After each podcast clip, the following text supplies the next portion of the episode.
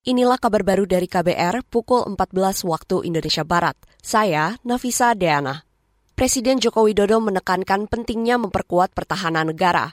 Jokowi mengatakan masyarakat juga perlu memperkuat daya tangkal untuk mewaspadai setiap ancaman, sehingga mampu menyiapkan antisipasi sedini mungkin. Itu adalah salah satu amanat Jokowi yang disampaikan Menteri Pertahanan Prabowo Subianto dalam upacara penetapan komponen cadangan 2023 di Batu Jajar, Jawa Barat hari ini. Kita harus terus mengembangkan kemampuan dan kekuatan pertahanan negara, menyiapkan sumber daya manusia unggul dengan karakter tangguh dan patriotik, serta memodernisasi alutsista pada matra darat, laut, dan udara. Namun, pertahanan negara tidak cukup hanya ditangani kekuatan militer. Adalah tugas dan kewajiban seluruh warga negara Indonesia. Juga adalah kewajiban kita semua untuk selalu membela bangsa dan negara.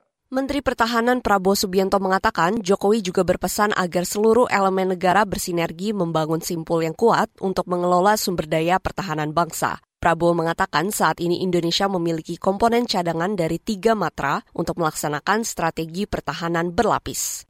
Kita ke berita pemilu 2024.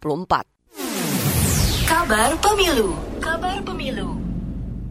Ketua Umum Partai Demokrat Agus Harimurti Yudhoyono AHY bersyukur atas putusan Mahkamah Agung MA yang menolak peninjauan kembali PK Kepala Kantor Staf Presiden Muldoko. AHY mengatakan putusan ini menghadirkan ruang demokrasi yang sehat. Insya Allah rakyat bisa terus mencari kebenaran dan keadilan sekaligus bisa terus menghadirkan ruang demokrasi yang sehat di negeri kita. Kita mengajak seluruh elemen bangsa lainnya, seluruh rakyat Indonesia untuk tetap menjaga nilai-nilai yang kita anut selama ini dalam konstitusi kita dan juga dalam kehidupan demokrasi, bermasyarakat, berbangsa, dan bernegara. AHY menyampaikan terima kasih pada Menko Polhukam Mahfud MD dan Menkumham Yasona Lauri. AHY menilai keduanya berkomitmen menjalankan hukum yang adil dan rasional. Sebelumnya, MA menolak peninjauan kembali dari Muldoko tentang kepengurusan Partai Demokrat. Muldoko sempat mengeklaim sebagai Ketua Umum Partai Demokrat melalui Kongres Luar Biasa KLB yang digelar di Deli Serdang pada 2021. Kita ke berita mancanegara. Sebanyak enam orang warga Kolombia ditahan atas dugaan keterlibatan pembunuhan calon presiden Ekuador, Fernando Villavicencio. Tersangka ketujuh tewas setelah terlibat adu tembak dengan polisi saat proses penangkapan. Villavicencio ditembak mati saat berkampanye di kota Quito Rabu waktu setempat. Dia kerap bersuara lantang mengkritik korupsi dan kejahatan terorganisir.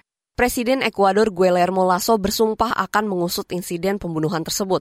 Dia berjanji pelaku akan mendapatkan hukuman yang setimpal. Demikian kabar baru dari KBR, saya Nafisa Deana.